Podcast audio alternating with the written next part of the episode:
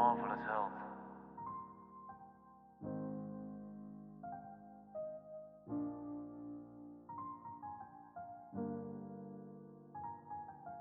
Imagine a country where you are going to and you have never been before, and where they have never seen you before.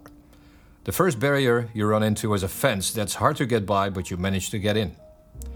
Quite soon you find the police chasing you, as they know that a stranger in their country who they don't know and might cause harm to their people. They can't catch you while the country is getting upset, so they call in the special forces that bring out the heavy gear. When they finally find you, they take you in, rip you apart in pieces without any questions asked, wrap you in waste bags, and send you back to the exit. That sounds like a pretty straightforward, no questions asked regime, doesn't it? Well, that country is your body, and that's how your immune system handles intruders. My name is Mark van Lokven. Thanks for tuning in to our second podcast. In this podcast, we will tell you all about the immune system, our protection from within. I will explain briefly how it works, but also why it's not working as well anymore as it used to, and what you can actually do to improve that. So, like um, the other podcast where I told you to look back into evolution, it's the same basically with our immune system. We evolved over time um, as a person, but also, of course, our immune system evolved over time, running into a multitude of pathogens and all kind of intruders that came into our body and actually built up over these many million years, or what they call our native immune system. But I'll get more into detail about how that works and all these different areas of protection. Uh, but before doing that, I will uh, go briefly into the changes we see in today's world and how they actually impact this protection from within. So, first of all, there's actually two modes the body can be in it's either survival or growth. And survival is what we call the stress mode when our stress systems are, are on. And looking back in evolution, you can imagine that when you run into a wild animal, um, a big tiger, or any big other animal that, uh, that could harm you, your stress systems uh, are, um, are selected because you either need to run or you need to fight. So the stress hormones go up, the, heartbeat and the breathing is going up, your blood pressure is going up to bring all this blood to the muscles, to the places where you need it most. So at that point in time, it's absolutely not of any interest to the body to digest your food or to fight any bacteria because there's a very big other animal to fight. So you're not in growth. Your immune system is going into a lower mode. Your digestion is into a lower mode. So any non relevant systems in your body that are basically all related to growth are not important at that point in time. So it's very important to remember that when your body is in stress mode, so in survival mode, basically, it's not in growth. And that's how we were, well, I wouldn't say designed, but that's how, how we evolved over time. And that's simply how the body works.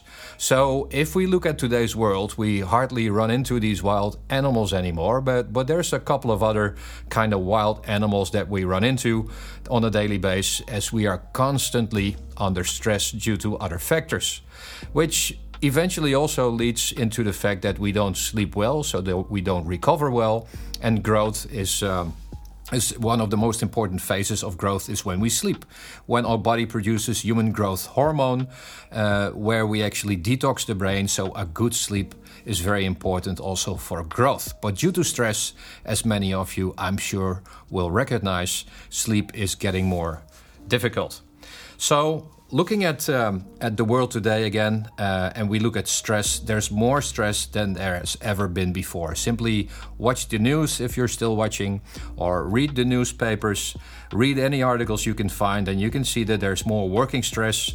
Uh, there's currently a lot of stress, of course, in the world with uh, with a pandemic going on, which which happens every now and then, uh, and hopefully not too often. But that causes, of course, a lot of stress. We see in young people, we see more and more use of medication like methylphenidates, of children with with behavioral disorders, anxiety disorders. So there's a lot of stuff going on, as it seems, that has never ever happened to us before, and where, as it seems from a evolutional point of view, it went all so fast that we've never been able to uh, cope with that or to build resistance. So where's that coming from? Typically that's coming from the increase in technological developments. Uh, look at your mobile phone, for example. There's one simple app that you might find somewhere on your phone, which is used to actually make a phone call.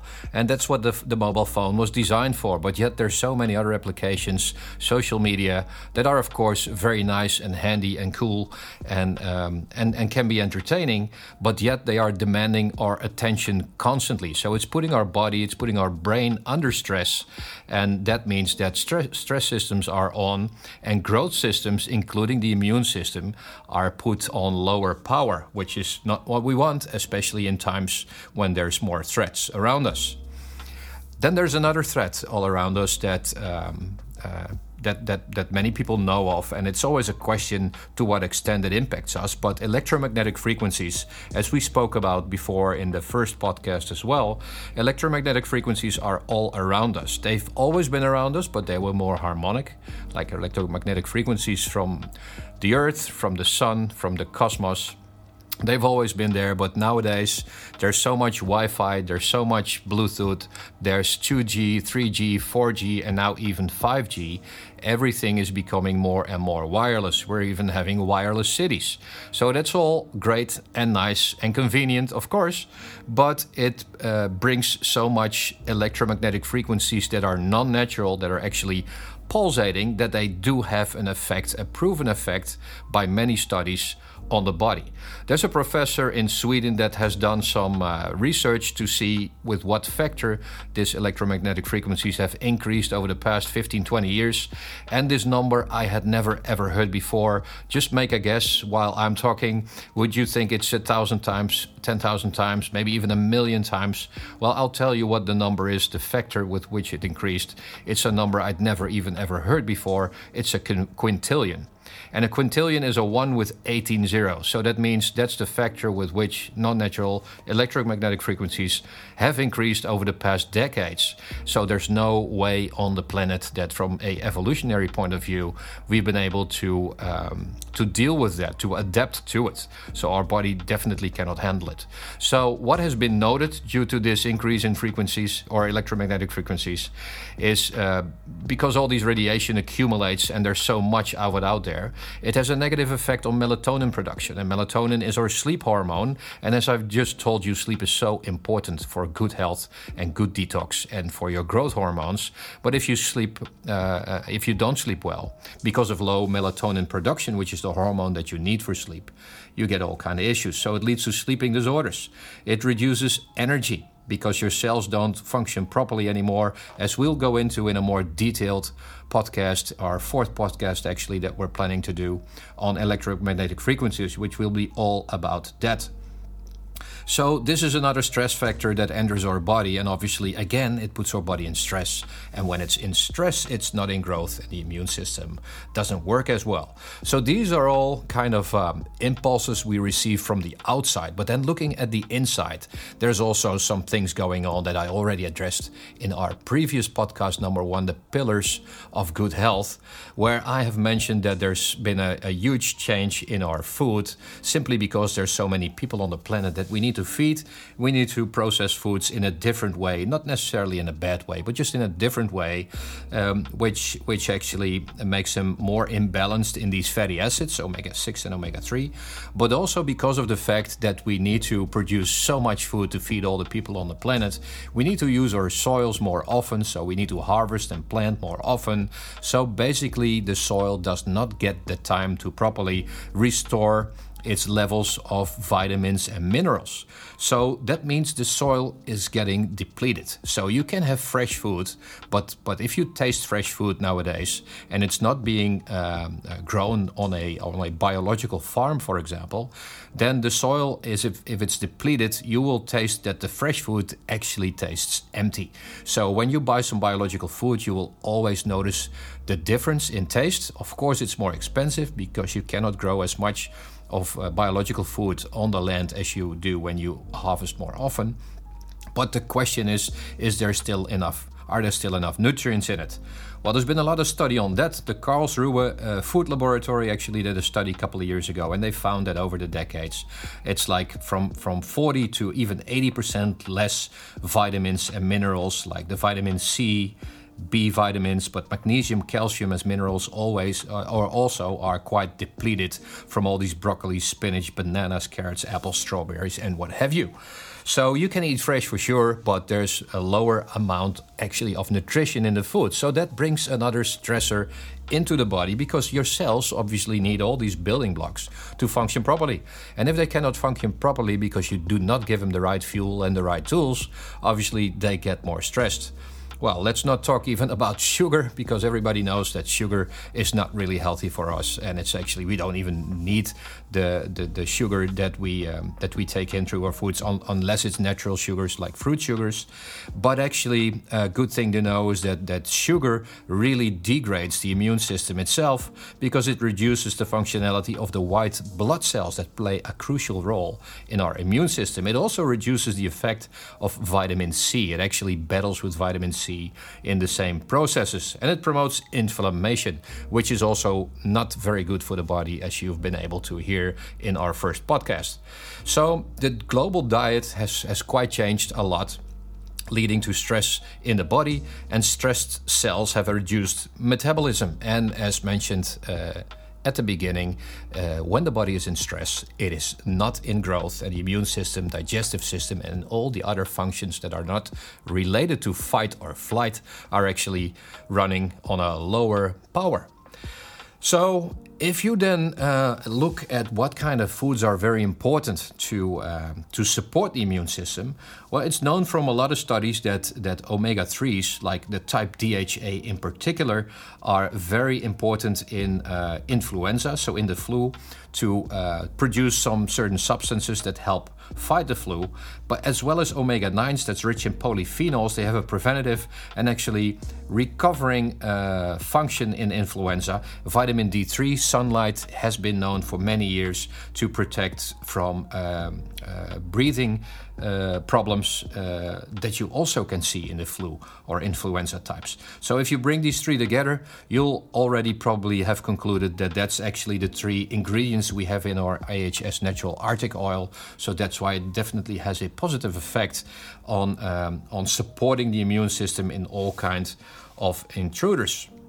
So, if we look at the world today, uh, at the disorders, at the diseases, there's a huge increase in chronic diseases. One of which, for example, if you look at the fact that in 2019, almost 40% of the adults of 18 years and older worldwide were overweight, that should mean something.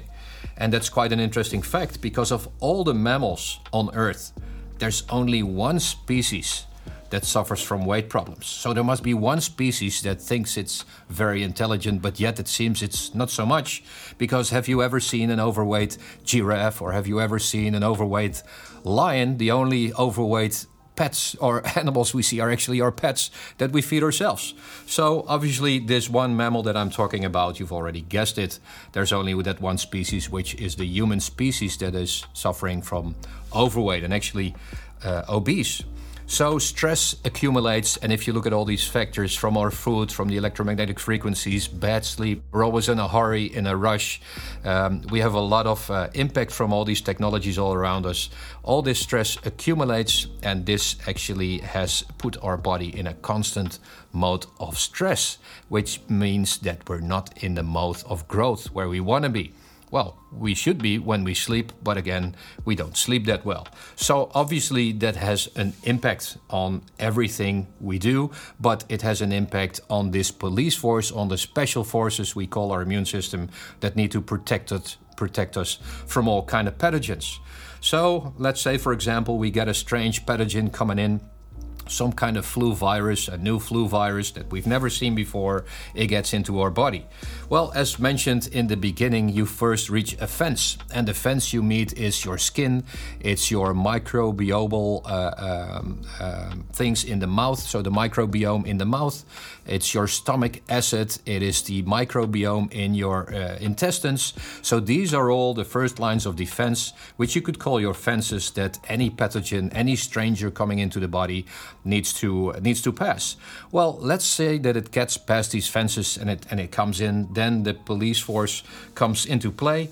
One of the effects that you will see happen is that your body will determine to put the temperature up because most pathogens and bacteria do not like higher temperatures than 37 degrees Celsius. So that's why the body turns up the thermostat and then the temperature rises as, as one line of defense as well.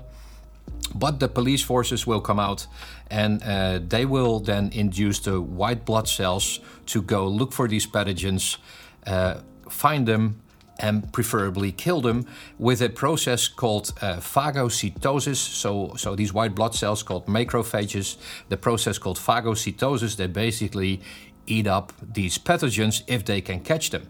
In this process of phagocytosis, you uh, you need vitamin D and zinc actually to make that happen. That's why often you hear in relation to the a stronger immune system that you need to take vitamin D and zinc. Well, this is the reason because this process called phagocytosis to help these police forces actually need this mineral and this vitamin among other things, and then natural killer cells and all kind of other um, police elements are, are put into place to go catch those intruders.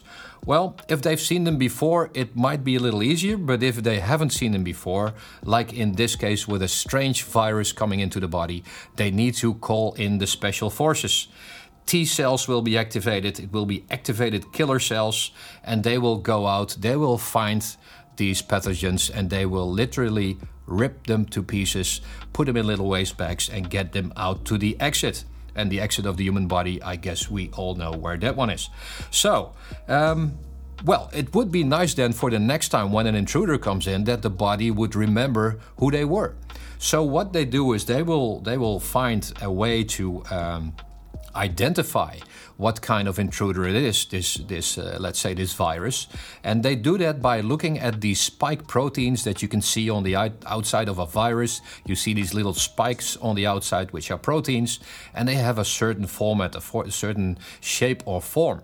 So the body is very smart. The immune system is very smart. What they will do is they will look at the form and shape of these spikes, and they will actually produce a sort of uh, uh, uh, counter spike, a counter protein that they can put on top of it. So, as these spikes normally are, are used as a key to enter the cell, if you mutilate these spikes or actually put something else on top, and the key will not fit in the lock anymore, it cannot get into your cell, into the host, to replicate, so it will basically be inactivated. And that's what these little particles do. And these particles are the ones we call antibodies. So at that part of the immune system, that's where you start generating these antibodies. So that will take uh, seven to maybe 10 days before you start producing more of them. And that will create your, what they call your viral memory and your immune memory, if you will. So the next time these intruders come in, they can immediately, uh, the police force will know them already and they will have the right tools and the right gears to inactivate them. So the special forces do not need to come into action. So that that's basically in brief how the immune system works. But you can imagine that putting all this stuff, all these things to work, you need all the all the energy that the body has to do it. But as said, when we're in stress, we're not in growth. In growth, that's where our immune system functions best. So if all our energy and resources go to the stress mode with all these stressors all around us, then obviously our immune system will deteriorate. Well, looking at nutrients that, that are very uh, good for our immune system from a biological point of view are your vitamins C, D, and E, omega 3s, obviously. Drink a lot of water to help flush out the toxins from your body. And, well, actually, it's always good to drink at least a liter and a half of water a day. Um, sleep enough and make sure you can sleep well. Make, make sure you get um, enough. Uh, uh exercise so so you you take a walk every day 30 minutes at least very healthy for your immune system. What is not so healthy for your immune system what has a negative effect is taking too much sugar or trans fats which you basically find in fast food too much alcohol um, well obviously too much stress. And when you have a shortage in zinc uh, b6 D3 vitamins, magnesium, these are all essential parts, essential vitamins and minerals to make the immune system work better. So, adding all these things up, that should give you some additional knowledge on how to best cope with stressful situations like a pandemic or any other stressful event where immune, the immune system has to come into play. So that's why at Marvelous Health we have quite some supporting products that will help a normal immune system function. So, the brain training we will get into, our next podcast will be into brain capacity. It will help you reduce stress and get back into that growth mode to handle stress better in this fast and high paced environment we live in to increase your brain capacity. And of course, the products we have are all filled with natural ingredients, boosting proper normal cell function, including the immune system.